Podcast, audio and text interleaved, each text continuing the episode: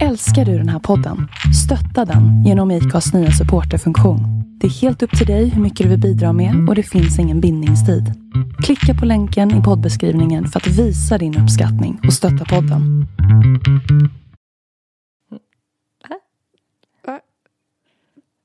Gud. ehm, försöker du köra den här intervjutekniken på mig nu när man bara sitter tyst? Alltså tyst att den andra blir så nervös att den börjar, börjar, prata om att det är så jobbigt liksom. Ja, jag tänkte det för att jag tänkte när jag startade att det är typ alltid jag som säger hej och välkommen. Så jag avvaktade nu. Det kanske var därför jag blev så ställd att jag inte visste hur man skulle göra. Ah, ja. Hej och välkomna i alla fall. För det, den inverkan det hade på mig det var att jag direkt ville börja erkänna saker. nu är du verkligen jätteäcklig. Tack. Du är så äcklig nu. Vi bor på en stor sten Ja. som liksom åker omkring. Ja. Och det är ingen som kör. Nej, det för mig är det sjukaste jag någonsin har hört. Jag får panik! Ja, shoot. Jag, jag, jag kissade alldeles nyss. Ja. Eh, och jag har precis tagit på mig en så här um, hemmamys uh, byx shortsdräkt, Gud vilket långt ord, som jag har fått ärva av dig. Ja. Och så bara kände jag så här att jag bara verkligen inte orkade liksom, för då måste man ju ta av sig hela den så man blir helt näck. ja, för det är byxdress typ. Så jag liksom tog tag i skrevet på dräkten och liksom drog där åt sidan och kissade påklädd. Åh, var du inte rädd att du skulle eh, Kissa på mig själv? Ja. Ja, men alltså jag det orkade typ inte bry mig. Nej, Alltså jag orkade inte. helt rätt. Kör. Whatever floats your boat, gumman. Alltså jag bara återigen ber om ursäkt ifall det kommer in något ljud från de här jävla byggarbetarna som tydligen har flyttat in på mitt tak. Vet du vad jag gjorde i, i morse förresten? Nej. Jag har ju fortfarande inte, trots att de har varit här i typ tre månader snart och hållit på med byggställning utanför mitt fönster. Jag är ju så sjukt ovan vid att det är folk utanför fönstret eftersom jag bor högst upp. Så i morse så hade jag duschat och så bara gick jag ut från duschen helt naken. Ser att det står byggarbetare som inte har fått syn på mig som tur är. Men jag får sån jävla panik så jag kutar till hallen från badrummet och där har jag typ som en det är två ingångar bredvid varandra och så är det en liten vägg emellan så det blir typ, typ som en pelare. Mm. Så jag ställer mig där i panik och, och där syns jag från fyra, eller så här, om jag tittar fram så syns jag från fyra fönster. Och Du är omringad? Ja, jag var omringad. Och jag visste inte vad fan jag skulle göra så jag fick typ stå där i några sekunder naken och så här, titta fram till, tills jag såg att de typ tittade bort och sen kuta in på mitt rum och dra för persiennerna. Det är sånt jävla mission att vara Ja, hos mig nu. Jag håller på att bli en sån duschninja. Alltså det, att du måste liksom på något sätt ha såna här... Alltså det är roligt. Ge det typ två månader till så kommer du börja göra såna här kullerbyttor som de gör på film Ja, när de ska ja. ta sig fram. Parkour och sånt. Ja. Men alltså tänk dig synen om de, om de har sett mig, ser en naken tjej kuta. alltså, inne löper verkligen. Förstår du hur allt också bara gungar då på kroppen? När man kutar naken. och sen satt jag också, för jag sitter alltid vid köksfönstret och sminkar mig för det är bra ljus där. Satt jag där och sminkade mig och då stod de precis utanför fönstret och typ höll på att mäta någonting på väggen. Och det var också så jävla stelt. Att sitta där och bara plocka Alltså. ögonbrynen typ och få ögonkontakt med dem som är typ en halv meter ifrån mig. Jag är så nära fönstret liksom. Ja, jag visste inte om jag skulle vinka eller om jag skulle titta på dem och vara typ så här hej typ. Eller om jag bara skulle totalt ignorera dem. Åh, gud vad svårt. För Mm. det känns som att det där är mer självklart när man är... Fan, jag tycker Borlänge är svårt alltså med det där överhuvudtaget med om man ska heja på folk eller inte. Jag blir lite weird när jag kommer dit. För att jag, Ja. Det är ändå på något sätt så pass litet så att man skulle heja i alla fall om man var på någon mindre uppfart till något hus eller något. I alla Ja. fall. Men man ska inte heja på stan Nej. eller på typ köpcentrat. Och så typ i Stockholm då ska man ju absolut aldrig heja på någon och man ska Nej. aldrig låtsas se någon någonsin. Och där det är så jävla mycket folk också. Är inte det lite konstigt? Jo, kanske. Det är väl för att Borlänge känns som ett litet samhälle i jämförelse med Stockholm. Men för typ Dalarna så är det ändå en stad.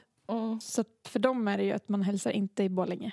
Nej, jag blir så förvirrad av det. Alltså att det är så här... Mm. Jag vet inte riktigt vilket ben jag ska stå... Hur trevlig jag ska vara. För det känns som att utanför dig, om det är en byggarbetare, då känns det som att man Ja, men då kan man kanske säga hej. Morsar. Ja. Men, Mors. men utanför mig så känns det som att man absolut inte skulle kunna göra det. För då skulle Nej. de ju typ ringa, alltså ringa polisen. De, det är någon jävla obehaglig kvinna här. Och sen så tycker jag det är så här, det är så mycket fler original också hos dig. Mm, mycket fler. Jag vet inte om det är fler per capita eller någonting för det känns som att man märker dem mer i alla fall. Ja. Typ som när jag skulle åka hem från dig senast, då kom den här äh, ganska unga killen. Och jag ty- det tycker jag man blir förvånad över när det är någon som är så ung. Mm. Eh, som är sådär äh, onaturligt pratsam och lite glasig i blicken. Eller du förstår att det är lite... Jag tror du vet vem jag menar för att han säger alltid hej, den här killen. Jaha. Jaha! Ja, jag vet vem du menar. Och då så var det liksom att jag var väl lite stressad eller någonting och så skulle han börja så här, vad heter du? Typ, eh, vad, vad heter hunden? Mm. Hur gammal är hon? Får de hälsa? Och jag bara hör mig själv och jag har typ fortfarande lite dåligt samvete men jag bara, hon är sjuk. typ säger jag till honom. Hon är sjuk. Det är ju för sig sant. Hon är ju sjuk. I Fast, huvudet i, alltså. fast alltså, hon har höftproblem. Mentalt instabil. Ja, det går inte att släppa den här lilla hunden nära någon. Nej, men han är ju jättecreepy. Men han har ju alltså autism eller någonting. jag tycker inte att han är så creepy. Jo, men han sprang efter mig en gång och då blev jag jätterädd.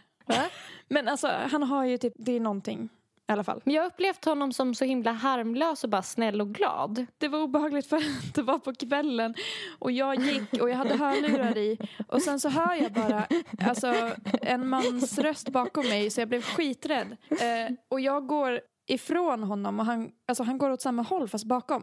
Så han bara hej, hej, hej och jag bara ah, hej hej typ och så fortsätter jag gå och han bara springer liksom, joggar i kapp hela tiden och bara hur gammal är du? Vad heter du? Vad gör du? Var ska du? Och jag bara, nej, nej, ja, nej, jag ska... Alltså, det var typ ingenting mer, Ja. men jag blev rädd eftersom att han jagade ikapp mig och det var typ kväll. För att fråga ingenting också. Ja. Ja, första gången han sprang upp och frågade hur gammal jag var, då förstod jag ju inte att han kanske var någonstans på spektrat. Då minns jag att jag sa så här, jättegammal, alldeles för gammal för dig. Ja, jättegammal. Jättegammal, så forntida. jag är en urna. Jag är ett spöke. Bu.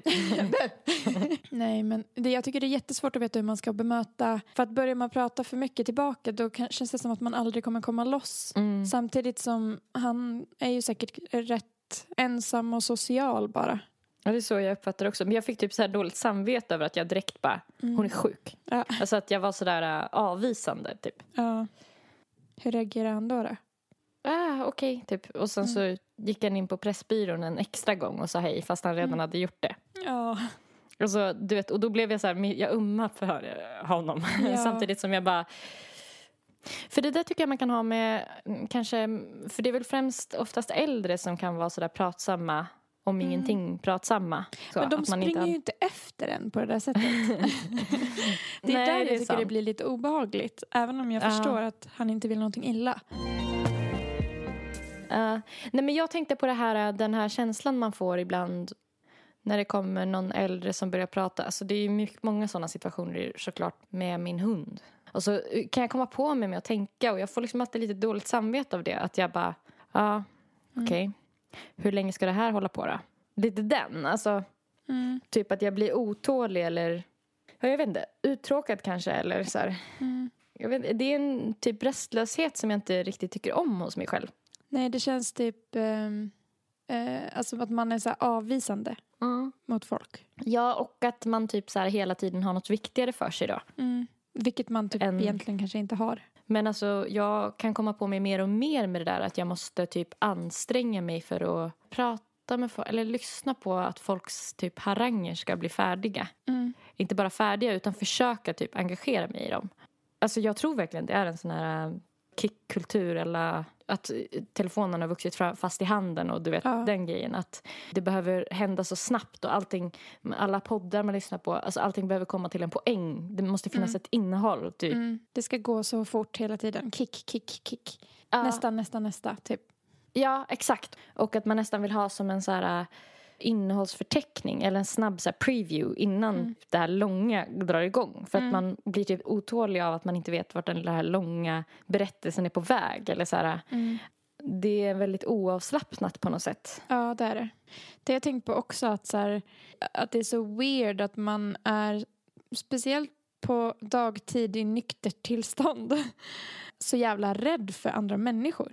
Att man tycker det är weird om någon random börjar prata med en på stan. Mm. Mm. Så reagerar jag dock inte alls om det är en äldre som börjar prata med mig. Nej, Alltså en tant eller farbror. men då är man mer välvilligt inställd redan från början. Ja, för att man känner att de oftast inte har ett, något konstig baktanke. Och att man kanske typ har en fördom att så pensionärer har tid. Och att därför blir det inte så konstigt. Alltså, om en person som är, ser ut att vara i- mitt i någon slags ålder där man ska ha som mest att göra tar sig tid till att så stå och bara drälla. Mm. Då kanske man också blir lite orolig för att man tänker att den är kriminell. Ja. För att den, ja, eller att den är konstig på något sätt. mm.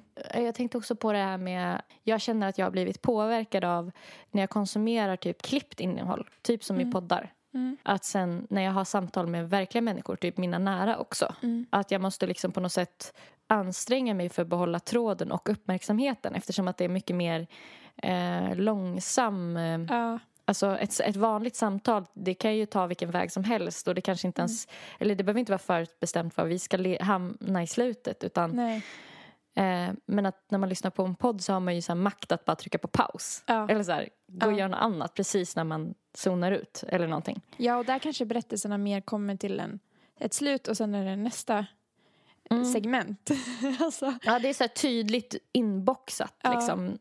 När ett nytt samtal börjar och slutar och typ man får en så summering i slutet eller någon som drar ihop säcken på slutet. Typ. Mm. Medan ja, men i ett samtal med sina nära så är det ju mer att man bara... Man sitter och babblar. Ja, Men vad, ska man, vad kan man göra då för att bli lite mera... Att lugna ner sig lite? jag, jag tycker jag märker en viss skillnad. Jag vet inte om det har med det att göra men jag tycker att jag märker en viss skillnad på när jag så pratar med mina föräldrar och med vänner. Mm. Och det vet jag inte om det har att göra med att det, eller det skulle kunna ha att göra med att eh, de inte typ så här har varit en del av i alla fall samma kultur av så här innehåll, innehåll, innehåll, typ tempo, tempo, tempo. Och sen så blir man väl kanske långsammare med åren också och sådana saker liksom. Men att, eh, att då försöker jag ju tänka på att så här, typ ta vara på tiden Mm. jag har med dem. Alltså att jag försöker typ, när jag märker att jag zonar ut, att jag så här, i framtiden, det här kommer vara sånt som jag kommer sakna i framtiden. Ja. Försök ta vara på det här nu, typ så. Du har fått mig att börja tänka så jättemycket också. Är det sant? Ja. Jag har börjat göra det jättemycket med min mamma. Är det för att jag har tjatat om det? Ja, men lite. Och eh, för att det är ju så jävla sant. Och jag märker att jag har börjat prata om det mer också med andra. Ja. Att så här, Mm. gud man måste verkligen, för att man vet ju inte hur lång tid man har och man måste verkligen ta vara på det och vara snäll med sina föräldrar. För att, Mm. vad fan, sen kommer man ju sakna det här hur mycket som helst. Ja, precis. Och typ, jag har börjat släppa mycket på så här där med att de alltid måste förstå mig så himla mycket. Mm. Och mina känslor, typ. Mm. Utan mer bara, jag kanske vill försöka förstå dem istället en stund. Mm. Ja, precis. Men, men jag tycker, jag kan känna att det, jag, jag ställde någon fråga till pappa igår eller när det var. Mm. Och då blir det liksom väldigt långa svar så här. Eller så här, och, det, och, och alltså jag hatar den liksom delen hos mig själv. Att jag blir så här, jaha, okej, hur länge ska det här, alltså hur länge ska vi prata om det här nu? Och så kanske det är så här, ja men igår så började han Eh, han skulle så här pitcha in någon serie som de höll på att kolla på till mig. Eh, och undrade om jag vill, ville kolla på den med dem. Mm. Och då var det typ om ett teleskop. Mhm. Och då fick jag liksom veta detaljer om hur linsen på teleskopet först var slipad och hur den blev slipad sen. Och hur stora de olika delarna var och hur mycket de vägde och sånt där. Och att jag bara märker det jag bara, alltså det, det blir nästan fysiskt eh, i sådana lägen. Jag kan känna så i skolan också när det, är, när det är partier som man inte är lika intresserad av. Att man bara det blir, pressar sig själv igenom. Kom igen då! Kom till resultatet! Eh, Exakt. Ja, så tycker jag också ofta det är när jag pratar med min mamma att eh, jag kanske ställer en fråga om någonting och hon börjar svara och sen kommer hon in på något annat för att Ah, det fick det. henne att tänka på den gången och då var det så och sen på min tid när jag var ung då gjorde vi det här Ah. och, så, bla- och så helt plötsligt så pratade vi om något annat och då har jag märkt att jag ibland kan vara så här ja ja alltså typ bara bryta Mm. av henne och bara Mm. så att så nej alltså det var det Mm. nej Mm. du tyckte inte så. Okej. Eh, men nu, senaste tiden, så har jag bara låtit henne sväva iväg lite mer och bara tänkt Ja. att så här, ja men vad fan. Det kanske kommer något. Ja, och plus att eh, alltså, den generationen kanske inte är, som du sa, van vid att det ska ha snabba, alltså, snabba svar eller snabba lösningar eller sådär. Och prata på ett annat sätt. Och typ Mm. också att fan, jag är ju en av min mammas bästa vänner. Ska jag bara inte lyssna på det då? Nej. Jo, men jag. Ja, jo, nej, nej, det ska du det ska du absolut inte. Lägg Det är på. det värsta en bästa vän kan göra. Det är bara, bara att lägga på. Drämma igen luren i örat. Ja. Ehm, ja, nej, men jag bara typ reflekterar så himla mycket över mitt eget lyssnande Mm. just nu. Och också när man kommer på sig med att lyssna för att vänta på att få prata själv. Alltså när man kommer på att man gör den grejen. Ja, det, för då lyssnar man inte ordentligt. Det gör jag Nej. jätteofta. Och så låter man inte den andra personen typ ta en med på en, en väg man kanske inte var beredd på. Nej, för man är så låst på det man vill svara på, på den saken. Precis, så att det kanske hade kunnat typ stanna i något väldigt intressant på en helt annan plats. Mm. Alltså man kanske hade fått lära sig något helt nytt. Typ. Alltså du vet. Mm.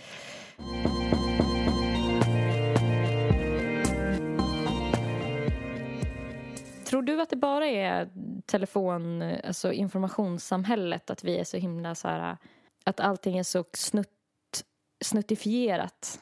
Ja, jag tror det. Och att liksom vi har så himla lätt för att ha kontakt med folk nu. Alltså Mm. man ringer, man smsar, man har kontakt med så många varje dag även fast man inte träffar någon. Kanske. Mm. Medan förr så var det ju att man kanske tog tillvara på lite mer när man väl pratade med en person. För att man Mm. kanske gjorde det lite mer sällan. Eller annars så pratade Mm. man bara med dem i sitt hem. Mm. För det kanske kostade lite att ringa. Då kunde Mm. man inte sitta och prata i timmar. Att man tar det för givet kanske mycket mer. Ja. Vad tror du? Och att det kanske blir lite mer spring. Alltså fram och Ja. tillbaka i de här dörrarna som är så här. Nu hör jag av Nelly en, en sväng och sen den här personen en sväng. Att jag vet att jag kan komma tillbaka och höra av mig när som helst igen. Så att Ja. jag vi behöver inte typ slutföra ett samtal eller så här Nej. någonsin. Och att så här, samtidigt som jag pratar med dig i telefon kan jag sitta och smsa med någon annan. Alltså att man har kontakt med flera samtidigt om olika saker. Va? Va? Backa. Backa tillbaka. Vad sa du? Eh, nej men och... när du pratar med Inte Med dig. mig? Inte dig. När du pratar med mig så kan du sitta och smsa med någon annan. Nej jag menar... Vem? Vem är hon? Vem är hon? ingen. Din andra bästa kompis. Ingen. Nej. Nej, jag menar... När jag pratar med någon annan så kan jag sitta och smsa med dig. Ja, då, det är mig du är du otrogen min med. sidechick. Ja. Jag förstår. Kändes det bättre? Ja, bra. Ja, Ja. skönt. Skönt. Alltså, det, var, det, det oroar mig vilken lätthet du slängde ur i det där. Till exempel, ja men du vet som när jag pratar med dig. Alltså då, då hörs jag ju alltid med någon annan Nej, men menar inte samtidigt. det. Alltså, alltid sa jag väl inte? inte alltid. Nej jag men vet, jag bara retas. det kan retas. hända. Vet du vad jag kommer att tänka på nu? Nej. Det finns ju vissa som går i typ så här parterapi fast med sina vänner. Mm. Om du och jag skulle gå i parterapi så här, i förebyggande syfte. Mm. Vad tror du typ att terapeuten hade velat att vi skulle jobba på i vår relation? Shit! Jag hörde min nervösa ton. Mm. Shit! Vi kommer till ett sånt ombonat rum och får sätta oss i en soffa mitt emot en Ja. främling. Ja. Som bara, jaha, varför är ni här då? Och vi bara, nej men vi vet inte, vår relation är jättebra. Vi, vi älskar varandra. Och bara nickar så här, håller med varandra. Mm. Ja, för de säger ju alltid att man ska gå i sådana saker i förebyggande, att det är en så himla bra grej. Typ. Mm. Men de kanske skulle säga att vi skulle säga ifrån kanske mer än vad vi gör då? Tror Ja. du? Eftersom vi typ aldrig säger emot varandra eller bråkar eller argumenterar knappt. Ja, Vi ska ju alltid tycka samma. ja. Det känns som att vi kanske ofta håller, håller med varandra mer än vad vi egentligen kanske gör Den också. håller med varandra. Ja. Ja, ja, ja, eller hur? Eller hur? visst, visst, visst, visst. Ja. Men, men jag började tänka på typ vad det fyller för funktion snarare. Nu är du verkligen jätteäcklig. Tack. Du Tack. är så äcklig nu. Du behöver inte öva på det här nu. Min, min, fot, min fot är så svettig och hon slickar i sig girigt. Hon. Ja, alltså inte Nelly utan min hund. Ja. eh, nej men gud, jag vet inte. Vad, vad tror du att de skulle ta upp med oss? Nej, men jag tänker också kanske det. Men jag började tänka på så här, vad det fyller för funktion. För allting man gör, det här tjatar ju alla terapeuter om. Gör man ju för att det fyller en funktion. Och jag tänker typ att eh, i relationer när man så här, typ som så här, förhållanden eller typ så här, gifta par. Det känns som att så här, äktenskapet är så här, gjort som en slags så här, vad ska man säga, allians eller typ så här, att de har ett lag mot världen. Att de ska ta varandras parti och det är liksom typ lite granna poängen även när man typ kanske inte riktigt håller med. Att man eh, håller med för att det typ eh, stärker lojaliteten typ. För att det känns som att, för det, jag kom att tänka på det nu när du beskrev just den grejen. Att, för det känns som, är det någonting jag känner starkt gentemot dig så är det ju lojalitet. Ja, samma här. Och det kanske är för Och att jag är att så du typ jävla... alltid förstår mig, känns det som. Och det kanske också är på grund av det. Ja. Och så, ja. Ja men precis, och så, så kanske jag inte gör det då, då med Nej. tanke på att... men jag vet inte, att det fyller en så himla... Att det är därför kanske vår vänskap också är så himla stark. Att det kanske Mm. är för att man typ tycker att det är viktigare att hålla med Mm. än att säga emot. Alltså när det inte... Ja, precis. Alltså, sen så är det klart att om du är på väg att göra någonting som jag inte tror är bra för dig så Mm. försöker jag väl typ så lägga fram andra förslag eller så här, Mm. Så kanske. Men det känns ju som en prioritering snarare. Att man prioriterar typ lojaliteten framför sanningen. Ja. Ja, så länge det inte blir att liksom en alltid håller med den andra och känner sig överkörd, typ. Precis, och typ så här osann mot sig själv. Ja.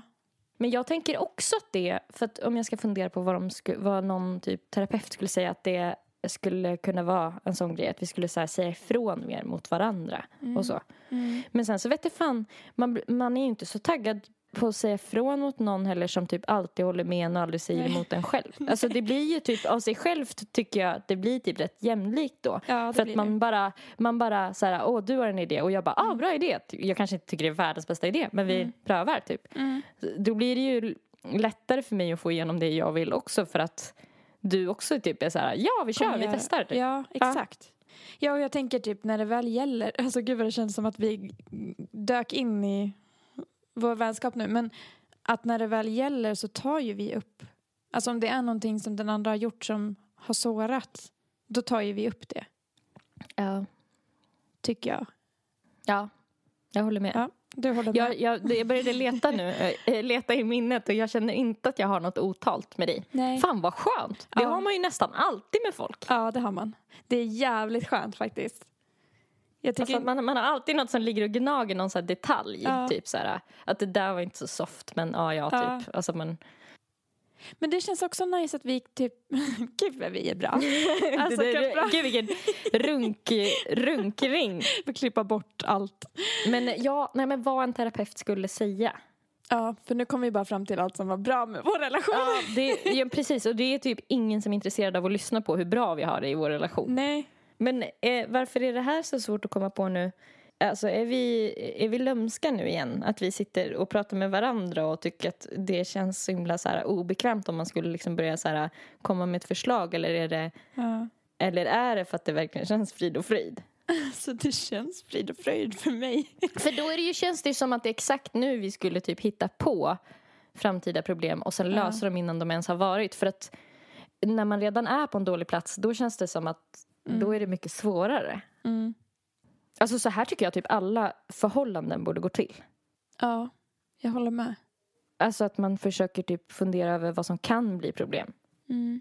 Men i framtiden då? Man kanske skulle kunna koppla det till, för nu har vi ju levt på ganska många år som vi har gjort typ. Ja. Men med livsförändringar kanske det skulle kunna bli problem. Alltså Ja, när vi kopplat till skaffar barn. livsförändringar. Eller, eller gifter oss eller sådär. Ja, Ja, för då känns det ju lätt som att den andra kan bli bortglömd i perioder. ja, För nu har vi ju väldigt tajt att vi ringer varandra ja. flera gånger i veckan i alla fall. ja. Men då skulle det ju vara det att vi hörs för lite, att vi skulle känna att den andra, att man känner sig bortprioriterad. Antar Ja. jag. Och hur ska vi lösa det då? Ja, för det känns ju som att det är ganska naturligt. Ja, Alltså att det blir så när man skaffar familj. Ja, att, det- ja, det är ju svårt att hinna med alla när man har typ en skrikande bebis 24-7. ja. Den andra får kanske flytta in då om den är singel eller Ja. har en man. Men den flyttar in med sitt. Vi måste bo i ett kollektiv. Eller att vi verkligen måste skaffa barn samtidigt. Så vi kan gå igenom det här skiten tillsammans. Och så kan vi bara ses och ha två skrikande barn lika väl som ett. Ja. Ärligt talat så tror jag typ att även om det låter som en väldigt konstgjord lösning Mm. så tror jag typ att det skulle så kunna Alltså om det skulle bli så Mm. så känns det som att det skulle kunna vara en jävla hjälp för relationen egentligen. Mm. Om man ska tänka på det rent praktiskt. Ja. Dels för att man är i samma stadie. Så man skulle ju ha, alltså båda två skulle vara lika mycket bortglömda. För vi skulle ha Mm. lika fullt upp. Det skulle inte vara en som Mm. helt plötsligt fick barn och den andra sitter ensam. Men det sen- vet man ju också typ, förlåt. Ja, nej jag skulle bara säga och sen så att man går igenom det tillsammans och kan ses och göra sådana tråkiga barnsaker tillsammans. Ja, och tycka att det är kul typ för att Mm. man har ju samma intresse då helt plötsligt. Ja, nej men jag, eh, jag tycker att en grej, en, en av de tydliga grejer jag har upplevt med folk när, i min närhet som har skaffat barn är ju typ den här ensamheten. Att de Mm. blir ensamma. Ja. De känner sig övergivna när, när de helt plötsligt inte typ kan dricka öl. ja. Alltså bara en sån enkel grej. jag kanske inte blir inbjuden på fest för att man Ja. utgår ifrån att de inte kommer kunna komma. Överhuvudtaget nej. Mm. Ja verkligen. Så det verkar ju, det verkar också, alltså jag tänker även för den som får barn först Ja. att så här, det är en isoleringsgrej. För den Ja. andra kan ju välja på hur många människor som helst att hänga med, Ja, förutom en. ja verkligen. Ja, Men jag sant. tänkte lite på det här med barnuppfostran. Det var en grej som jag kom på nu, med förändringar i livet. Mm. För att du, som du är med dina djur, Nej, men där tror jag, det skulle kunna bli ett problem tror jag faktiskt i framtiden. Ja. Om vi skulle ha två barn Och de hänger hos varandra. Ja, typ och det uppstår någon konflikt typ mellan barnen eller någonting. Gud, det här, alltså Oh, fan det låter så vidrigt att säga det men jag är så orolig för att typ ditt barn ska dra mitt barn i håret. Och att Va? sen ska vi inte kunna lösa det för att, för att, ja men typ för att ditt Du är inte barn... orolig för att ditt barn ska dra mitt barn i håret då? Nej, nej, Va? nej, nej men visst är det hemskt? Ja, men vadå? Varför är det just Gud vad illa den det, ordningen? nu brinner det i blicken. Vad menar Nej du? men därför att eh, det, det har jag bara baserat på hur du duttar med dina djur. Ja, du tror att jag inte skulle alltså, vara ty- Sätta gränser kanske. Alltså, Ja, jag kanske att, de skulle, att du skulle vara snällare mot dina barn än vad jag skulle vara mot mina. ja, Förstår om du? de gjorde något sånt. Och det hade varit en så himla besvärlig situation. För, vi, Mm. för det var ju, alltså den, sen, den senaste konflikten som jag tyckte var riktigt jobbig mellan dig och mig som vi Just ja.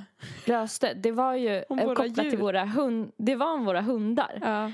Alltså, fan jag kommer inte ihåg exakt. Jag vet att jag så här, bryskt eh, skjutsade ner eh, din hund Loke på golvet. Mm. För att, jag kommer typ inte ihåg varför. Men det var nog någonting med Heidi. Han var förmodligen jobbig mot Heidi och du knuffade ner honom från soffan. Så han flög, han råkade jag volta. typ träffa honom i en, jag råkade typ träffa honom in i ett bord så att han gjorde en volt och typ det såg ut som att han slog i huvudet. Ja. Alltså det var verkligen så här, du vet det blev, alltså, som det kändes när jag gjorde det och som det såg ut, var, Mm. det stämde inte liksom med hur jag...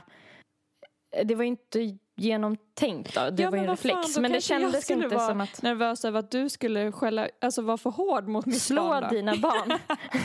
slå dem. ja. Ja. Ja men exakt, alltså det, det, för om vi tänker att vi ska ha barn i samma ålder Mm. Då måste vi ju typ så här, va, ha lite så gemensamma typ tankar om uppfostran. Ja, det, för, det att, vi. för att vår relation ska eh, fortsätta vara så här bra. Ja. ja, verkligen. Det- Alltså det tror jag ändå kan, nu, nu blev jag ändå lite nöjd att vi hittar någonting. För man, Ja. man vet ju att alla relationer kommer det förr eller senare någonting. Så det är ju lika Ja. bra att typ prata om det när de, när de inte finns. Alltså, Ja. Men, men för att du och jag har typ aldrig pratat om barnuppfostran, tror jag. Jag är inte Inte så för mycket. barnaga, behöver jag säga det? Jag vill bara Nej, säga det det. vill jag säga. Du förstod det. Men jag tänker ändå att om mitt barn skulle dra ditt barn i håret, eller liksom vara taskig. Ta, Då- en- mamma tar en snus nu när hon ska Ja. prata allvar. Nej, nu ska du få höra. Nej, men då tänker jag att jag skulle alltså, förklara för mitt barn varför det inte är okej och alltså tvinga mitt barn att be om ursäkt till ditt barn. Mm. Det är nog som jag tänker att jag skulle göra också. I, eh, och som jag tycker typ att man så ska göra. Mm. Men sen om man skulle göra det. Men det tror jag, för att jag blev fan tvingad till sånt när jag var liten. I, jo, att man själv skulle göra det. Men jag menar Mm. den andra föräldern. Alltså, eh, om mitt barn skulle dra ditt barn i Mm. håret. Mm. Eh, när, när jag inte är med. Du Mm. har barnen. Mm.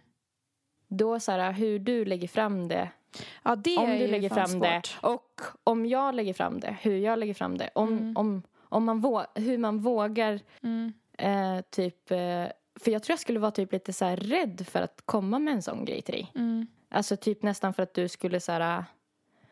Tvi, alltså kanske inte tro på Ja. det. Ja. Ja, Förstår shit. du? Ja, jag skulle också vara rädd för det. Och jag tänker också, för nu kommer jag på att det sker ju heller inte kanske från ingenstans utan då kanske det ena, säg att eh, ditt barn drar mitt barn i håret och så, eh, ber, så berättar jag det för dig och Ja. att eh, liksom, ja, du får prata med henne om det. Mm. Men då berättar ditt barn att så här, ja, men det var för att eh, Nellys barn eh, sa de här elaka sakerna till mig. Och hon, hon retade mig jättemycket. Och Ja, alltså den situationen känns jättesvår för då har båda, ja. alltså båda har ju gjort fel då. Och att det var Mm. liksom framprovocerat men det var fortfarande inte rätt själva handlingen. Men man Nej, kanske förstår den lite mer om den har blivit provocerad typ. Mm. Mm. ja exakt. Då måste ju båda Ja. be om ursäkt tänker jag. Ja. För det de har gjort. Ja. Men eh, kanske typ i de lägena att man skulle använda den här eh, strategin med att plocka isär bråket då. Ja, Alltså att du och jag pratar med varandra om vad som hänt och vad de har berättat för att lägga ihop eh, vad det var som egentligen hände. Mm. Då är det fan viktigt att du och jag är ett team. Ja, så att vi blir som föräldrar att de ska... Ja. För jag tänker typ att det, det, vi kanske, en, en grej som vi kanske ska komma ihåg är eh, typ Alltså dels är det ju vår relation men när vi får barn då kommer ju de bli de viktigaste Ja. ju Ja. för en. Så då kommer ju det vara viktigare än vår relation. Ja. Eh, och då tänker jag att då kanske man ska lägga fokuset på deras relation. Mm. Att det är viktigt för mig, om jag älskar Elsa eller vad mitt barn kommer att heta, Mm. så är det viktigt om jag älskar mitt barn att mitt barn har, har nära kompisar. Och Mm. det finaste av allt skulle ju vara om barnet fick så här väldigt goda familjevänner. Alltså Mm. att man blir som en stor familj. Och då kanske det, man ska typ hålla fokuset på det att Ja. det du och jag kämpar för som ett team är deras, att deras relation ska bli fin när de växer upp. Ja. ja, verkligen. Men gud, alltså nu bara kommer jag att tänka på eh, tänk om våra barn skulle hata varandra då? Vad fan gör vi då? Det får, bara, in- det, alltså det får bara inte hända. Då är det koncentrationsläger höll jag på att säga. Nej, då är det liksom läger. Uppfostringsanstalt. Ja, uppfostring.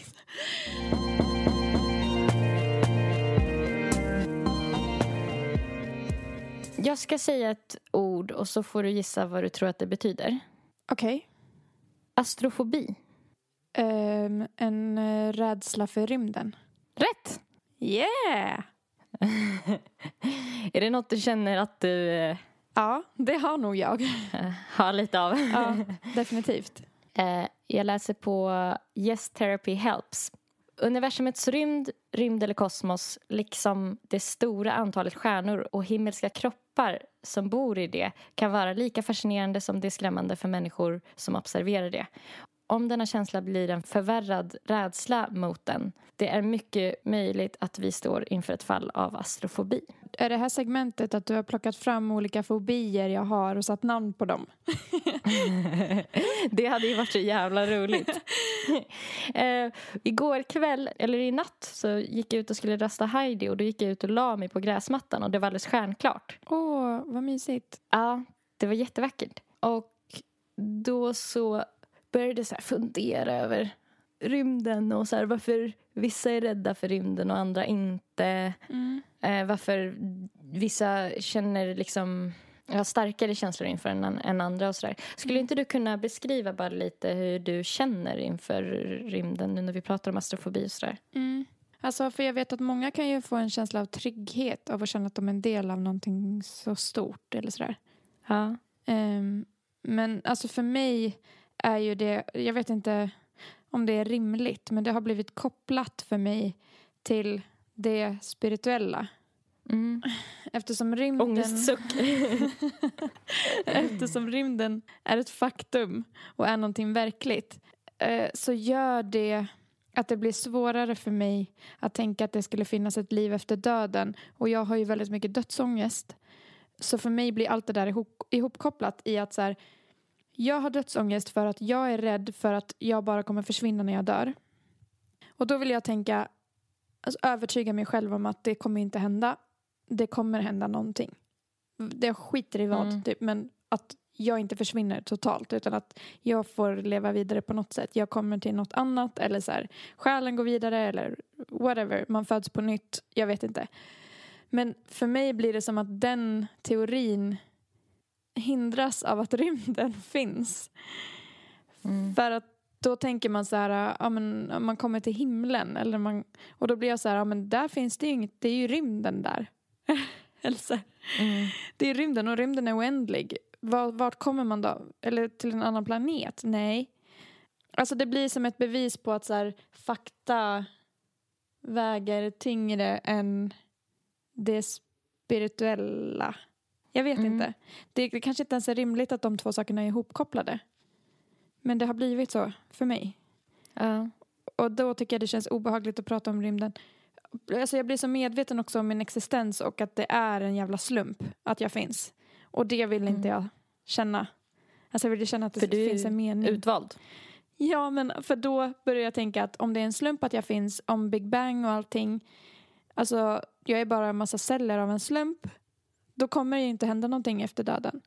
Och det är dit jag alltid kommer när jag börjar tänka på rymden. Mm. Det är där jag alltid slutar, även om jag tycker det är intressant.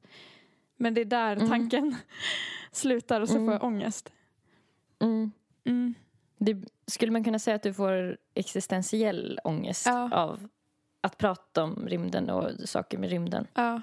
Ja, jag kom att tänka på typ eh, ett samtal som jag hade med en person så här mitt i natten när vi inte kunde sova som var så här om rymden och hur vi bara, ja det är pandemi men fan det är helt sjukt att vi inte pratar mer om det här med rymden. Ja. Vi måste prata mer om det här med rymden. Ja. För att det är ju fan, vi bor på en stor sten Ja. som liksom åker omkring Ja. och det är ingen som kör. Nej, och det är ingen som Det pratar är liksom om det. ingen som har kontroll. Det är ingen som har kontroll över liksom vad som ska hända. Nej.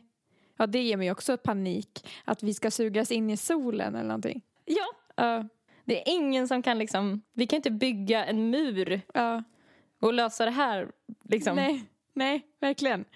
Ja, jag, jag såg en TikTok med någon man som var så här Yo, just be happy. We live on a floating rock in the middle of the universe. Anything is possible. Just have a nice day. typ så här, be happy. Vad fan vet vi typ.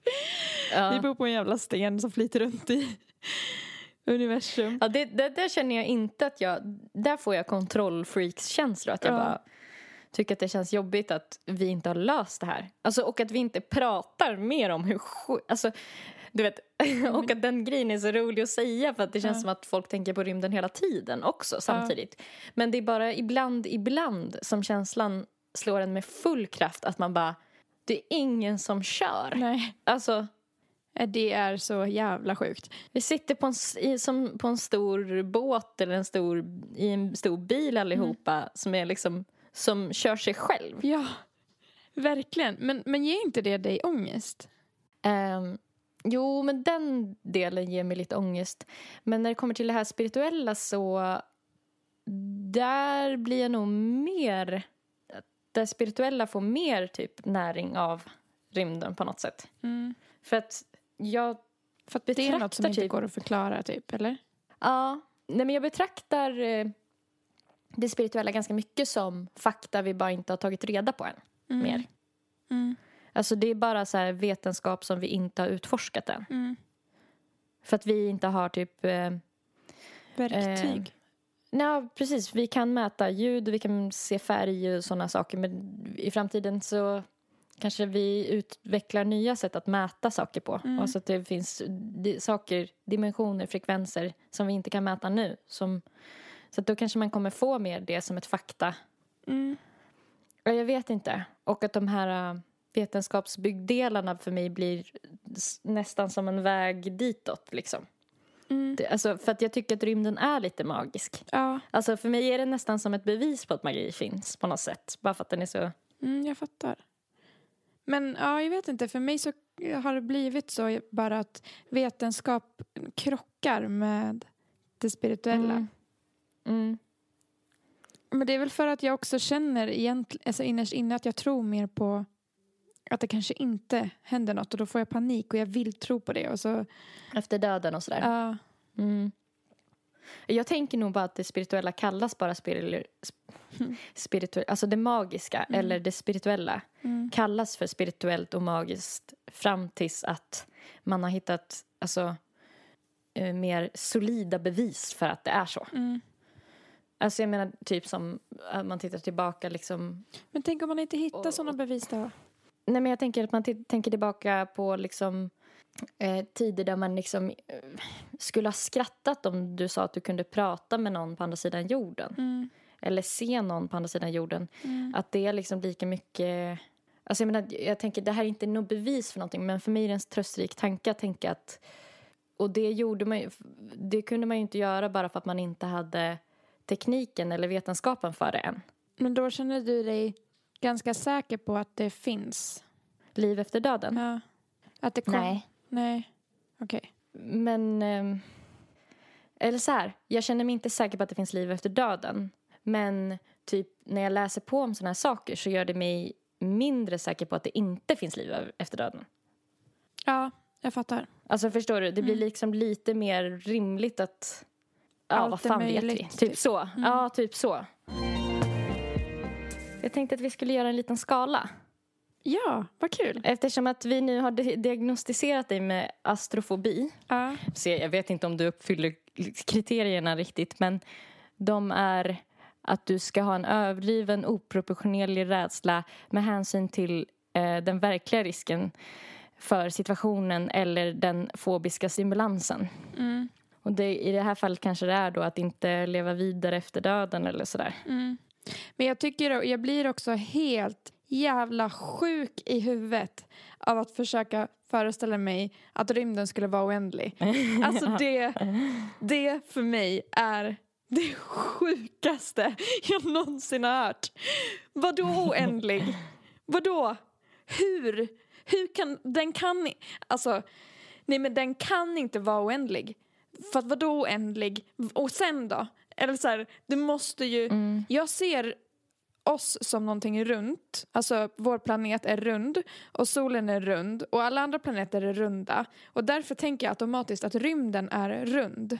Oh, ja. Och då blir jag så här, alltså att rymden är en boll också. Och då blir jag så här, jaha, och sen utanför den bollen, förstår Ja. du vad jag menar? Ja, ja. Vad är rymdens rymd? Eh. alltså, så här, Men känns det inte lite kul att ha fått en sjukdom som är kopplad till din hjärna? jo. Alltså ditt psyke. Jättekul. Alltså, du får vara med i klubben. ja, du ska i alla fall ha en irrationell rädsla eftersom då, eh, personen inte kan eh, erbjuda en logisk förklaring till detta. Oförmåga att kontrollera känslor och rädsla och ångest.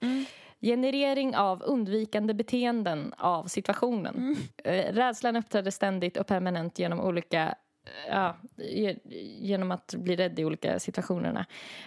Så då tänker jag att man, då kanske du typ eh, ibland har undvikit att tänka på det. Ja, det har jag. Och sen vet jag inte, fysiska symptom. Ökning av hjärtfrekvensen. Får du lite puls av det här? Eh, ja, men det kan jag ju få om jag får ångest. Ökning av andning, hjärtklappning, känsla av kvävning, muskelspänning, ökad nivå av svettning, huvudvärk, gastrisk förändring. Ja, det är väl att du blir las i magen eller hård i magen. Ah. Yrsel, illamående eller kräkningar, svimningar och förlust av medvetande. Förlust av med... Tänk om jag hade svimmat varje gång du eh, nämnde rymden. Ja, du hade flera av dem i alla fall. Ja. Eh, jo, nej, men jag tänkte vi skulle göra en skala. Eh, och då får du ranka de här sakerna som vi ska prata om eh, från 1 till 5. Hur ångestframkallande för din astrofobi du känner att de är. Okej, ett till fem eller? Ja, Okej. Ja, spännande. Får jag gå och andas i en papperspåse sen då? men jag tycker vi kan inleda med lite existentiell kris. Vi kastar oss right in. Ja. Och eh, då ska vi börja med att lyssna på ett litet klipp där eh, Albert Einstein pratar. Nej, fuck. Han dog väl 1880 tror jag. Och jag bara, japp. Okej, då ska vi börja med att lyssna på Stephen Hawkins. Inte Albert Einstein. Okej. Where did we come from? How did the universe come into being? Are we alone in the universe? Is there alien life out there? What is the future of the human race? Up until the 1920s, everyone thought the universe was essentially static and unchanging in time. Then it was discovered that the universe was expanding. Distant galaxies were moving away from us. This meant they must have been closer together in the past. If we extrapolate back, we find they must have all been on top of each other about 15 billion years ago. This was the Big Bang, the beginning of the universe. But was there anything before the Big Bang? If not, what created the universe? Ja, exakt. Vad fan startade det då? Vad var utanför? Var det, var det ing, hur kan det bli ett Big Bang från noll, från inget? Alltså då Arg. måste det ju ligga i någonting. Vad ligger det i? Alltså, jag får panik! Oj, shit, Jag förlåt. får sån stress av det här. Jag tycker att det är skitjobbigt när det är någon som är så smart som säger så. Också. Ja, exakt. Men får inte du stress av det här? Men Jo. vad, vad startar det ifrån? vad är det som pågår? Fem. Vakuum. Alltså fem. Okej, okej. Så det, ja fan då. Åh, jag hade typ någon tanke om att jag skulle så här, försöka eh, KBT dig lite. Alltså, men nu så känns det som att jag har utsatt dig för, för farliga, jag kanske borde ha delat upp det. Ja, för det kommer komma blandat liksom. Men samtidigt så var det så tråkigt om du skulle få så här väldigt milda i början och sen veta att de blir värre. Ja, nej men det är nog bra att det är lite blandat. Nej men för den där tanken gör ju mig totalt jävla galen. Alltså, jag får krupp. det kliar överallt. Ja, Ska vi se. Ökning av hjärtfrekvens, ökning av andning, ja. hjärtklappning, Jag fick puls. gastrisk förändring, Nej, det fick jag inte. huvudvärk, yrsel, illamående eller kräkningar. Nej, jag fick ökad eh, puls och andning. Ingen svimning eller förlust av medvetande. Nej. Okej, en femma. Jag tror typ att den är fem för mig också. Ja. I ångestnivå alltså. ja. But what was it before the universe? Och det lät som en jävla robot. Alltså Stephen Hawkings kan ju inte prata. Han har ju en sån Ja, just ja. nervsjukdom så han pratar ju med en dator. Just det. Jag har ju en eh, riktig rymdfantast i familjen. Så det fanns ungefär hur många tidningar som helst om rymden. Och jävlar, är det pappi? Ja, det är pappi. Ett avsnitt av eh, en temaserie, vetenskap, från 2018 tror jag det var. Månen. Eh, vet du hur den skapades? Nej. För omkring 4,4 miljarder år sedan tros protoplaneten Theia som var av ungefär Mars storlek har kolliderat med jorden i en hastighet av 4 kilometer i sekunden. Kollisionens kraft var så enorm att Theias järn sjönk in i jorden och de två planeternas mantlar blandades. Men det var inte all planetmateria som blandades samman. Delar av manteln slungades ut i omloppsbanan runt jorden. Dessa bitar skulle komma att skapa månen. Gravitationen rundade av materian och skapade en ljus naturlig satellit som vi kan beskåda på himlen. Mhm. Så vad då? Så man tror att de krockade med varandra? Att det finns delar av månen eller av den Ja. planeten på jorden? Ja, det som var den planeten och sen, eller den blev en måne istället för en planet. Hur fan kunde den slungas ut igen? Det var väl inte all Sjukt. materia kanske som fastnade på jorden liksom. Men utan järnet i den planeten sjönk in i jorden. Mm. Jag har en jävligt korkad fråga när det kommer till månen också. Ja, Alltså hur kan den lysa? det är reflektion på, från solen. Men går solens strålar runt månen? För den blir väl inte genom... Alltså den lyser väl inte igenom månen? Nej, det typ reflekteras mot månen. Så den lyser runt, strålarna går runt månen. Kommer bakifrån och tar sig hela vägen runt så att vi ser strålarna. Jag tror typ att det är när solen lyser typ från sidan eller sådär. Då, då träffar den ju månen, alltså när vi är på den mörka sidan, alltså be, när vår sida av jorden är vänd bort mot, Ja, Ja, solen lyser mot månen. ja, Jag har alltid tänkt, alltså gud vad jag är korkad. Men jag har alltid tänkt att solen, alltså att månen blockar solen. Jaha! Jag vet inte hur, varför jag har tänkt så. Och att solen lyser bakom, bakifrån. Så att den är liksom transparent.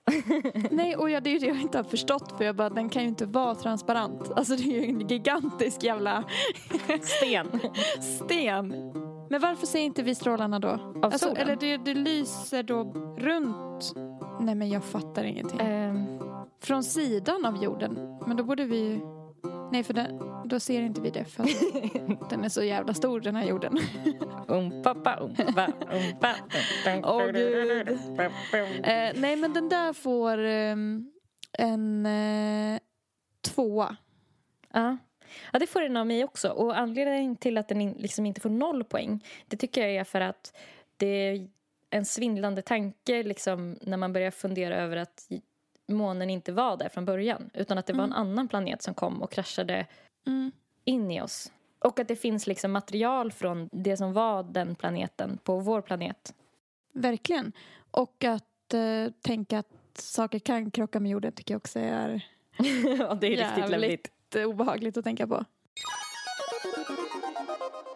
Saturnus Jag håller i mig här. Om Saturnus står i samma tidskrift att eh, om det fanns en tillräckligt stor bassäng skulle Saturnus flyta på vattenytan. Trots att Saturnus är näst störst och näst mest massiva planeten i solsystemet är den den minst täta. Densiteten är bara 0,687 gram per kubikcentimeter. Omkring en tiondel av jorden och två tredjedelar av vatten. Så den är lättare än vatten. Mm. Fast den är större än jorden. Mm. Den är liksom flu- som, eh, vad heter det, sockervadd. Eh, Jag tycker det är så sjukt att den är gjord av gas. Alltså den är ju, den är ju mer som ett, den är ju en gasplanet. ja. Man när man tänk, ser Saturnus och Saturnus ringar framför sig så ser man det ju mer som en, en fast liksom, figur. ja. Som man kunde hålla i skolan, de här modellerna. Ja. Och de här ringarna, de är gjorda av is och små, små, små stenar. Men de går, det går liksom inte att landa på Saturnus då. För, eftersom att det är gjort av gas. Nej, det tror jag inte det går. Fan vad sjukt, men varför löses det inte upp bara då? Det är ju väldigt, väldigt sjukt. Hur kan det hålla ihop? Det står att den inre kärnan är förmodligen väldigt liten och innehåller silikasten, precis som Jupiters kärna. Ja, sa mig inte så mycket. Men, Nej. men att den är så fluffig liksom, tycker jag är Ja. lite osoft. Ja, det tycker jag också är den snyggaste planeten så det förstör det lite. Visst gör det? Visst Ja. gör det? Ja. Eh, nej men, jag vet inte. En tvåa där också. Det är ju sjukt eftersom att jag förstår ju inte hur det kan vara så. Nej. Eh, men det, det ger mig inte ångest att den är gjord av gas. Det är liksom irriterande. ja. Vi ska lyssna lite igen. Mm. Eh, Kan du vara lite tyst, mamma? Vi se. Nu ska vi eh, få lyssna lite på eh, Einstein. Inte på när Einstein pratar då. Nej. Between 1905 and 1915, Einstein developed the theory of general relativity. He imagined the three dimensions of space and the dimension of time together as a kind of fabric surrounding us, shaped by the presence of celestial bodies. He called it space time. Imagine the sun as a heavy bowling ball placed in the middle of a trampoline. The ball makes the surface of the trampoline dip, right? This curvature is what we feel as gravity. So for Einstein, the Earth and the other planets remain in orbit not because the sun attracts them, but because the sun is such a massive star that other celestial bodies follow the curve it generates in the space time fabric.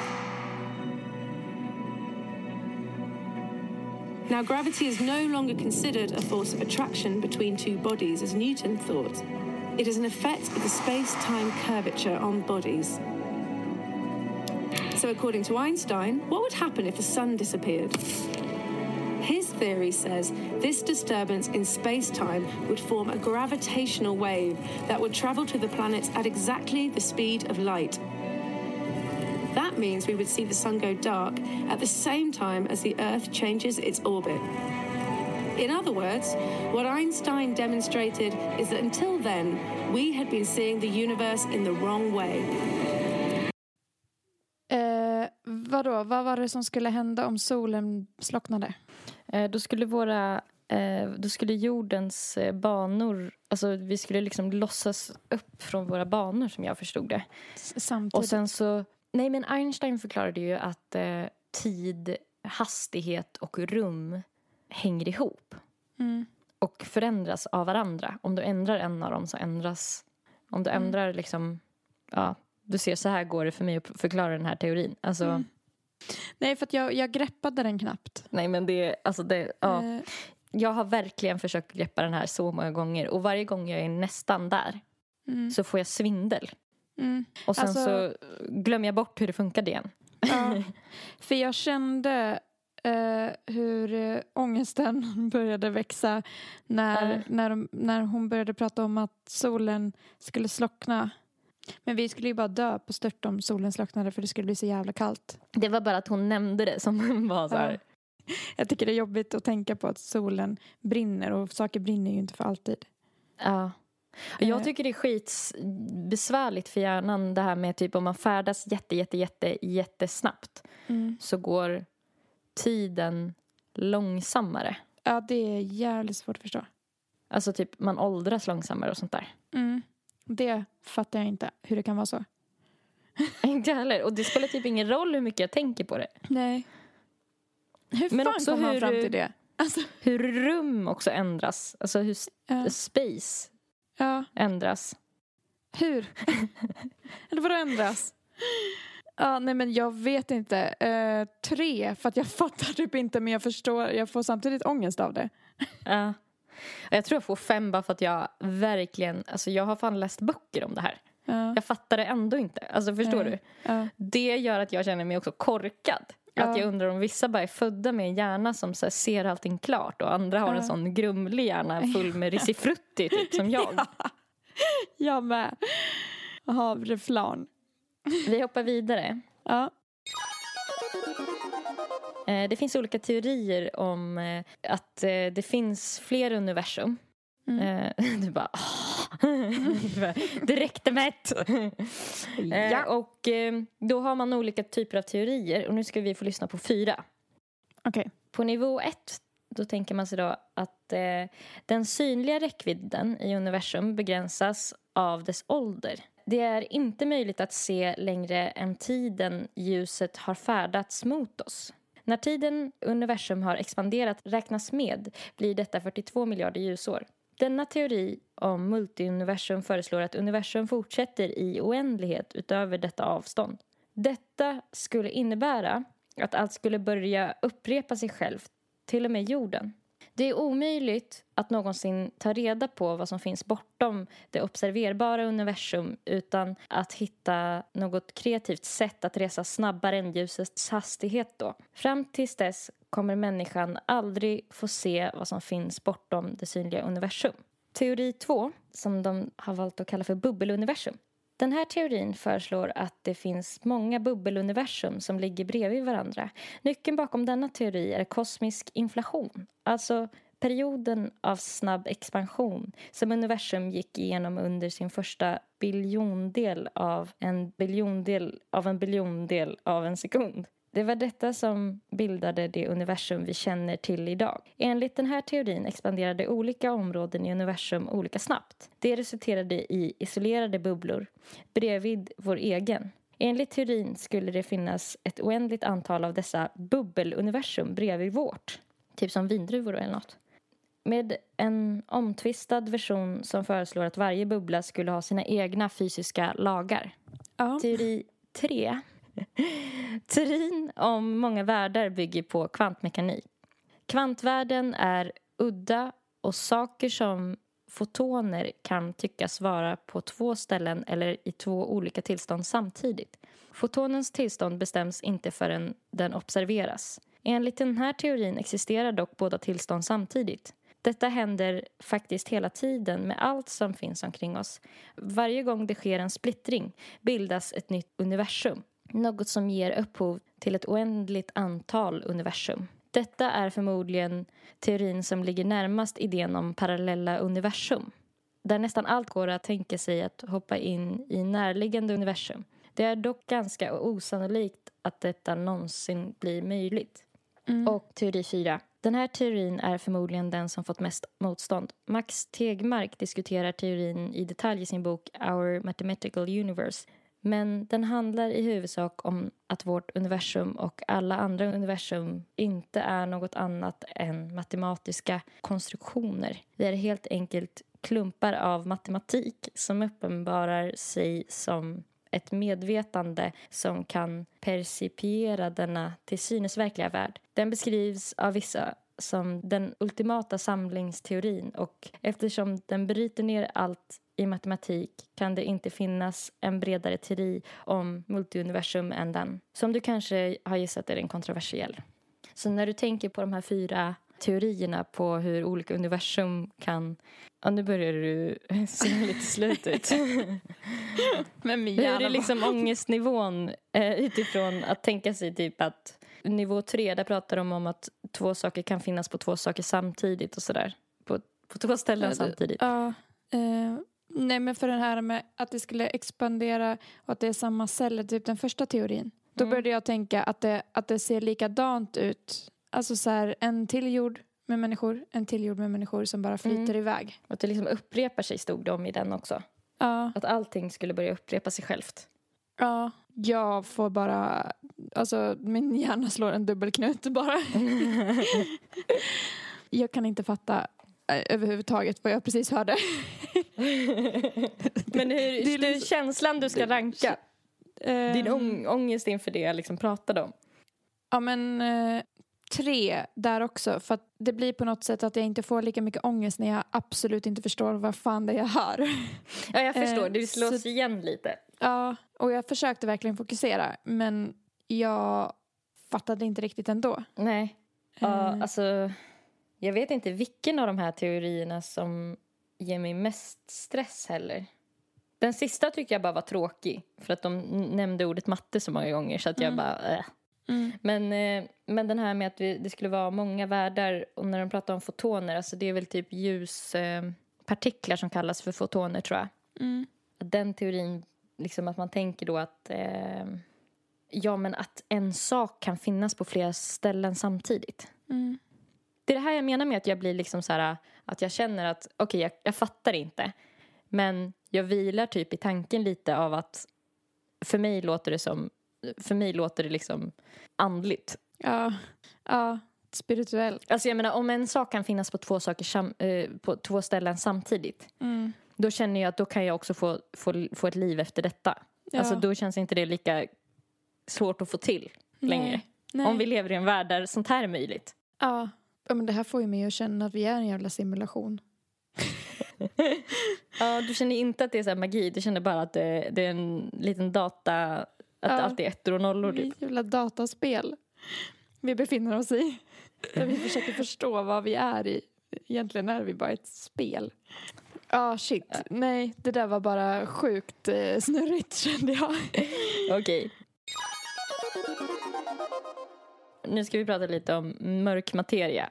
Mm. Det pågår någonting där ute i universum som astronomer inte helt kan förklara.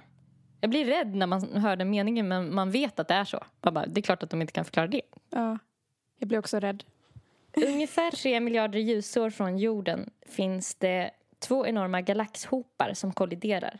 Stjärnorna i dem båda är relativt opåverkade av närkontakten. Men moln av het gas som utstrålar eh, röntgenstrålar kolliderar in i varandra och binder ihop de två galaxhoparna till en helt ny. Detta är Bullet Cluster och är en av de mest energifyllda händelserna i kosmos. Förutom den episka kollisionen av galaxhoparna lurar något mystiskt i bakgrunden. Det enda namnet som finns för just detta är mörk materia. Inuti Bullet Cluster går det att se galaxer. Det går även att se gaser som faktiskt utgör större delen av massan som utstrålar ljus mer än själva galaxen. Det finns dock en del som är helt osynlig och det är den som har fått namnet mörk materia. Men dess närvaro är kanske den mest avgörande. Namnet mörk materia tyder på att detta mystiska ämne är mörkt men är mer än så. Det är faktiskt helt osynligt då det inte utstrålar eller absorberar någon form av ljus eller strålning som annars hade kunnat avslöja dess existens. Det passerar rakt igenom vanlig materia. Det går inte att lukta på, smaka på, röra eller se den. Astronomer vet dock att det står för 27 procent av all massa och energi i hela universum och består förmodligen av någon form av oupptäckt subtonmär partikel. Normalt materia står bara för 5 procent och mörk energi, den mystiska kraften som accelererar universums expansion, står för resterande 68 procent. Men hur vet de att det finns då? Om det inte går att se, känna, lukta Smaka på. eller ta på. Jag tror det är så att de har, eh, de har liksom räknat på det och kommit fram till att det finns något där. Som, för annars så skulle inte de här typ himlakropparna bete sig så här. Ja. Att, det liksom, att deras ekvation inte går ihop om de inte bara lägger in någonting som är så här, okej, här är mörkt. Men det är liksom det är liksom över 70 procent om man lägger ihop de här 27 och 68 procenten. Det är alltså bara 5 procent av allting i, som vi känner till som vi kan se, smaka, lukta, ta på och röra vid. Resten, över 70 procent av vad som finns här vet vi inte vad det är. Och det är också genomskinligt. Och det låter så jävla obehagligt med så här, Ja. mörk materia. Ah, eller hur? Mörka mystiska krafter. Ah, Eh, nej, men det där får eh, en fyra. Eller en Ja. femma. Jag är lite osäker. Nej, det får en fyra. Men blir du inte lite glad av att det finns mörk Eh, jo, det är ju också? det. Alltså, jag blir ju lite glad. Det är därför det inte får en femma. Det får en fyra Ja. för att det är så jävla sjukt och jag fattar ingenting. Återigen. Men det är också lite skönt eftersom att Mm. eh, det är ju, är ju ett bevis på att det finns saker vi inte kan se men som existerar. Mm. Som, vi, som bara måste finnas där. För att annars så... Ja, jag tycker det är jävla sjukt att det är bara 5 procent som Ja. är något vi kan uppfatta. Ja, det är Resten är bara någonting. Ja, mystiskt. Mm, Ja, och mörkt. Ja, mörkt. Mörk materia, alltså det är grejer. Ja, Fan, det, det känns som att jag skulle vilja ha så här... äh, Det finns säkert redan, men typ beställa en drink som heter mörk materia eller något. Ja. Och man, ingen får veta vad det är i. Man kan inte se det. Man kan inte ta på det. Det är genomskinligt, det är bara vatten nu. Okej, jag har två kvar. Ja. Okej. I Illustrerad vetenskap från eh, ett nummer från 2015, tror jag det var, eh, så mm, skriver man om kontakt med rymden. Eh, och då, då skriver man om eh, radiosignaler. Radiosignalen varar bara några få millisekunder men innehåller lika mycket energi som solen avger på en månad. Den elektromagnetiska signal som 14 maj 2014 fångades upp av Parkes-teleskopet i östra Australien var den tionde i raden så kallade FRB, alltså Fast Radio Bursts, som tagits emot sedan 2001. Men skiljer sig från de andra på en viktig punkt.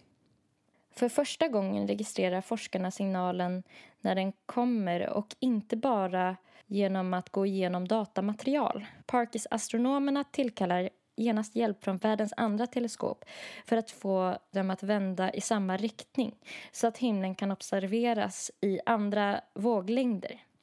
Men varken röntgenstrålning, synligt ljus eller radiovågor ger sig till känna. Universum har tystnat. I över 50 år har forskarna lyssnat efter meddelanden från andra intelligenta varelser i universum. Men till och med ja, när den här tidningen släpptes så har man inte fått någon signal som bevisar att vi inte är ensamma. De tio FRB-erna gör dock astronomer mycket intresserade eftersom det verkar innehålla ett enkelt matematiskt meddelande som inte kan förklaras med kända kosmiska fenomen. Försöker någon i rymden kontakta oss? Och eh, det här är ju något som man oftast brukar titta på visuellt, de här signalerna. För att elektromagnetiska och sånt där, alltså det, det brukar vara som värmeblobbar och sådär. Och jag tänkte att det görs inte så himla bra i radio. Så att eh, jag har hittat eh, en konvertering när man har gjort om frekvenserna i ljud. Ett litet klipp som vi kan få höra hur, hur så kanske någon, om, om ni vet eh, om ni vet vad de här rymdvarelserna försöker säga oss så får ni jättegärna bara kontakta oss. Slida in på våra DMs och Ja. säg det lite så vi kan höra av oss till NASA eller vilka det nu var. Ja, jättebra.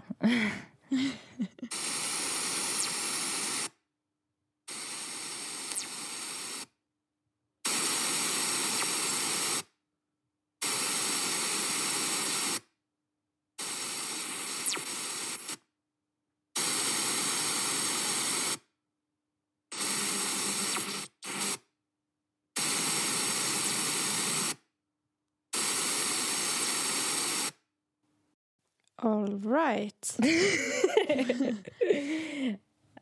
Alltid när jag hör sånt här från typ uh, såna där inspelningar då brukar jag alltid känna så här att jag vill typ höra av mig och fråga om de behöver en ljudtekniker. Ja, kunde de inte bara soloat pio-ljuden istället för att det ska bara...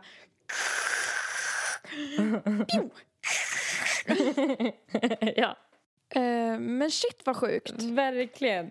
Ja, alltså jag tycker en annan grej som jag typ tänkte på när jag läste den här artikeln eh, var att man sen så liksom eh, gick in på vad vi då ska liksom skicka till rymden.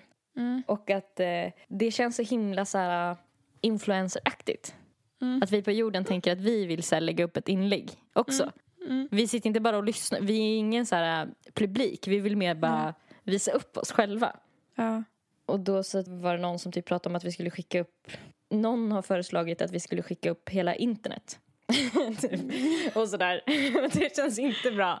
Jag, jag, jag, where did I sign up eh, for that liksom? Nej, eh, jag hörde ju på, jag tror det var något gammalt avsnitt av Alex och Sigge när de pratade om att vi har skickat ut meddelanden och typ sagt Det är så jävla roligt.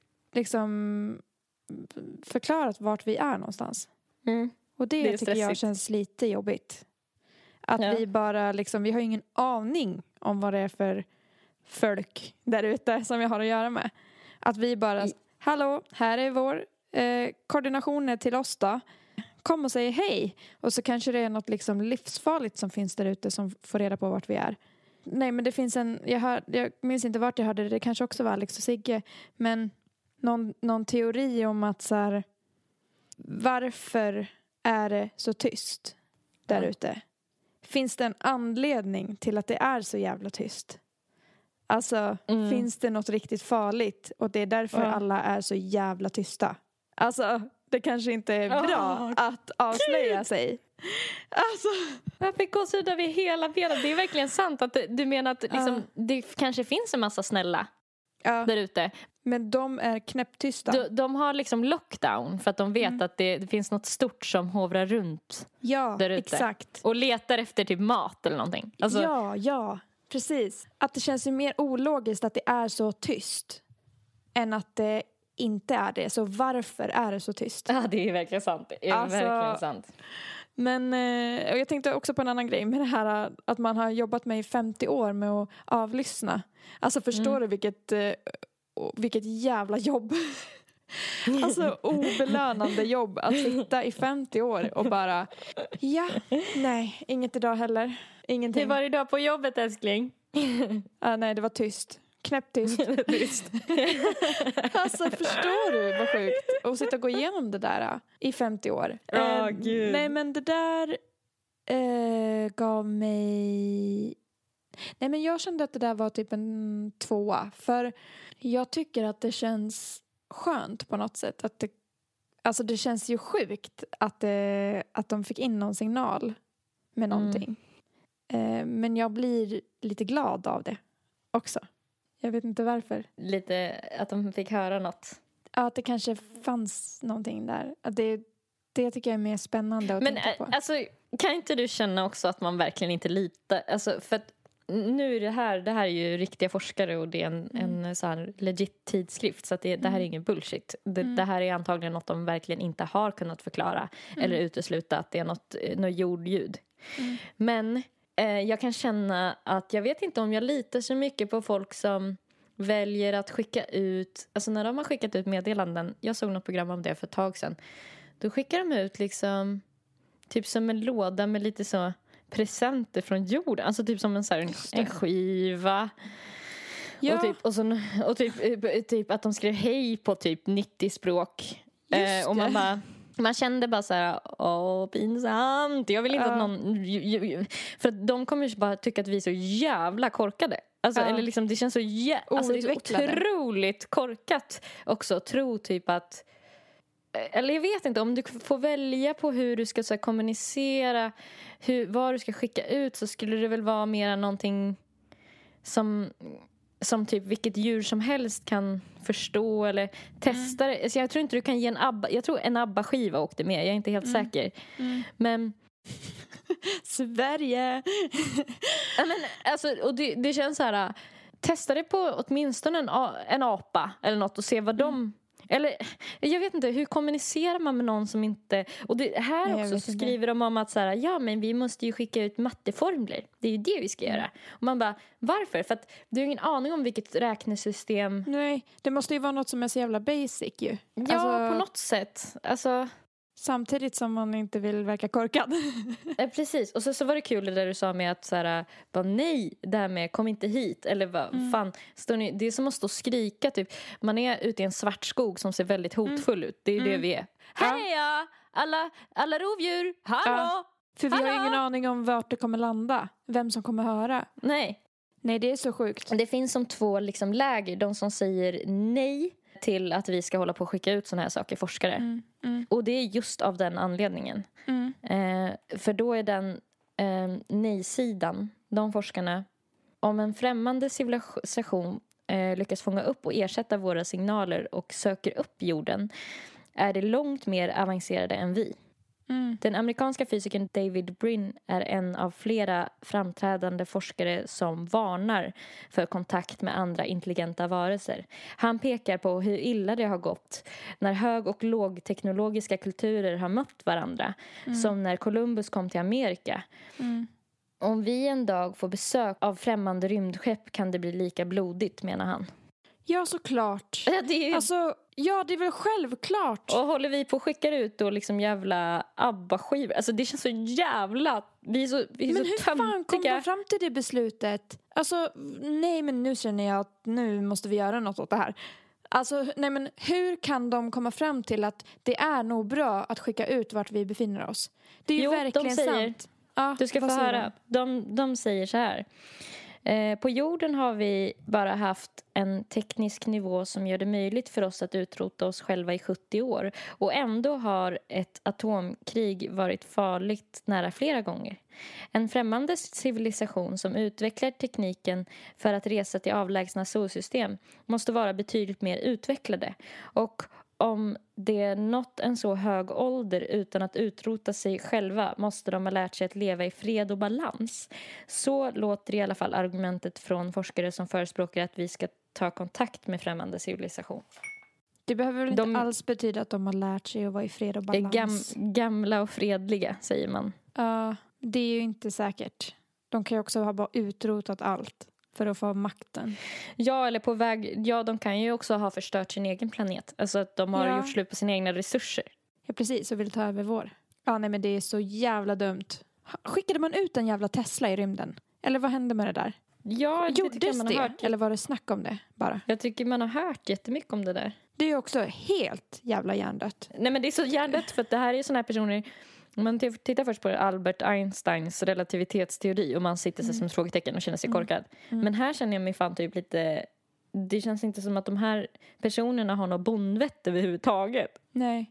Nej, och typ så här, ja, var, alltså bevaka, se om vi får in signaler, men vi ska inte vara de som söker kontakt. Vi ska i så fall fånga upp kontakt, tycker jag. Det är det jag menar med att vi är Instagram attention Ja. horse som håller på så här. Exakt, verkligen. Det är vi. Men vad, vad, vad tycker du att vi skulle ha skickat ut då? Om vi ska skicka ut någonting? Ja, det, det, alltså, sett ur det perspektivet att vi kommer bli rövknullade allihopa så är det väl bra att skicka ut saker som de absolut inte kommer förstå. Men då försvinner lite poängen med det också. Nej, jag vet inte fan alltså. Jag vet inte fan om det är en så bra idé alltså. det, Nej, nej, jag känner att jag blev rädd för rymdvarelser nu. Jag har typ aldrig varit det förut. de borde inte skicka ut någonting. Vi borde bara typ försöka se och bygga upp en jävla mur runt jorden. Men det är det jag menar med att det är så stressigt med att leva på jorden i rymden. För, att, för att det är, alltså, det, dels så är det några tossiga personer som hela tiden håller på och bara hallå, hallå, här är vi, hallå, hallå. Och sen dessutom är det ingen som kör. Alltså Nej. den åker runt bara den här bollen vi alla ska bo på. Ja. Det är Medan några bara står och jävligt. viftar så här till faran bara kom, kom, hallå. Hallå, hallå, hallå. Det här tyckte jag dock var lite skönt att tänka på för nu känns det som att det spelar verkligen ingen roll om min artistkarriär går bra eller om den här podden får många lyssnare. För vem fan bryr sig vi? We live on a floating fucking rock in the universe. Vi är så jävla Inget ändå. annat. Ja. Vad fick det? Kontakten. Nej men det fick en två.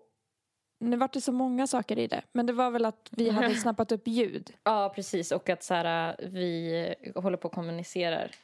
Nej men det får ju en femma för jag får ju stress av att vi håller på Över skickar ut vart vi är. korkat- håller på att avslöja vår position hela tiden. Alltså det känns som att spela typ så här, någon slags dataspel med någon i team så här, där någon Ja. hela tiden håller på och bara säger till typ, de andra vart vi är så att de kan komma och skjuta oss. Typ. Ja, ja exakt.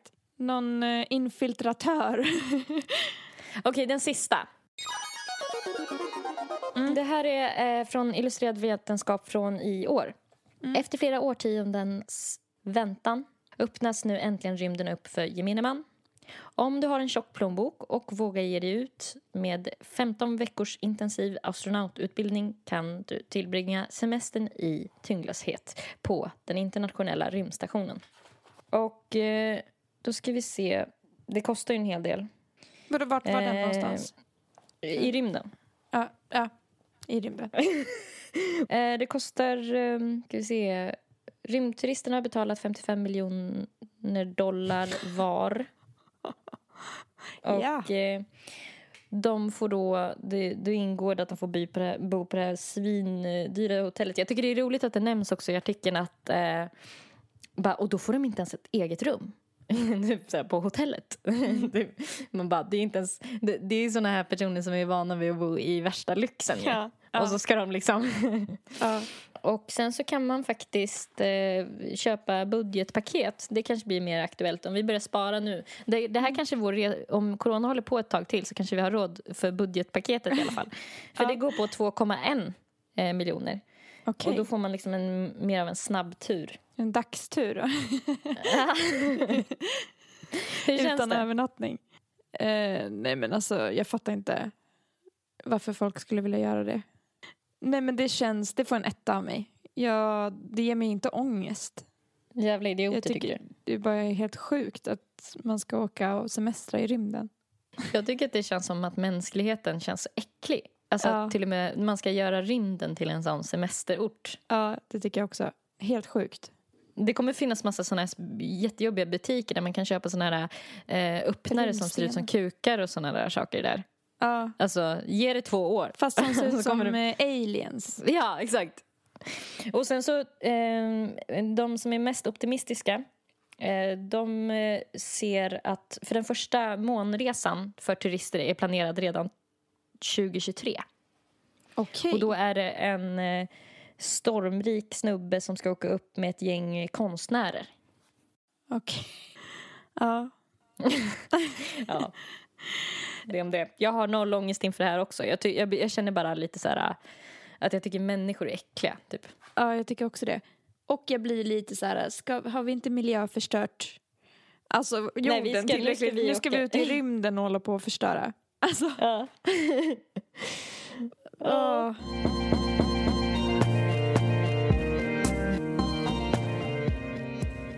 På Instagram så heter Nelly, Nelly Malou.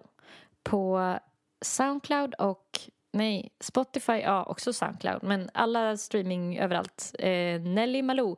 Fruktansvärt vad bra den är, den där musiken. Ja, tack. På Instagram heter Erika zebra understreck track. Zebra stavas med C och på streaming känns det som Spotify och Soundcloud heter hon Zebra track i ett ord och där kan ni lyssna på hennes fabulösa musik. Okej, Okej, ha en jättebra lördag nu då. ja, alltså försök att skaka av er lite rymdångest ni som har det. Ja, gör det. Puss Puss, och puss. kram.